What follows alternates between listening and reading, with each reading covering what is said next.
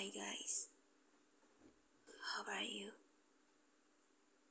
Yes, I know, and sorry to say, because we haven't talked for too long.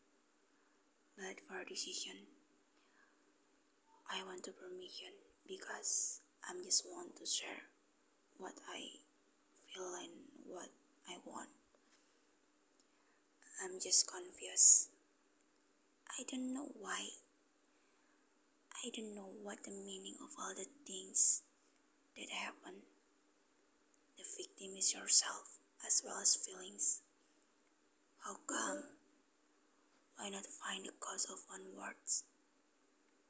I know, I know, sometimes feelings are hard to control, even impossible. Logic lost, but still asks, why? Why like this? Exactly? What should I do? And why am I so scared about love, about you, about this relationship?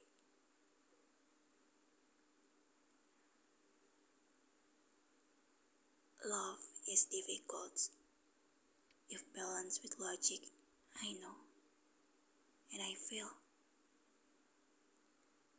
But for now, I don't know what to do. But I want you in every universe.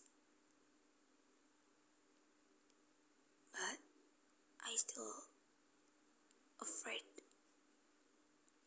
I'm afraid, afraid that you will suffer again. Then I am broken for the umpteenth time. Then what should I do for these feelings? This is not only confusing. I want to cry, but I feel enough. Possible.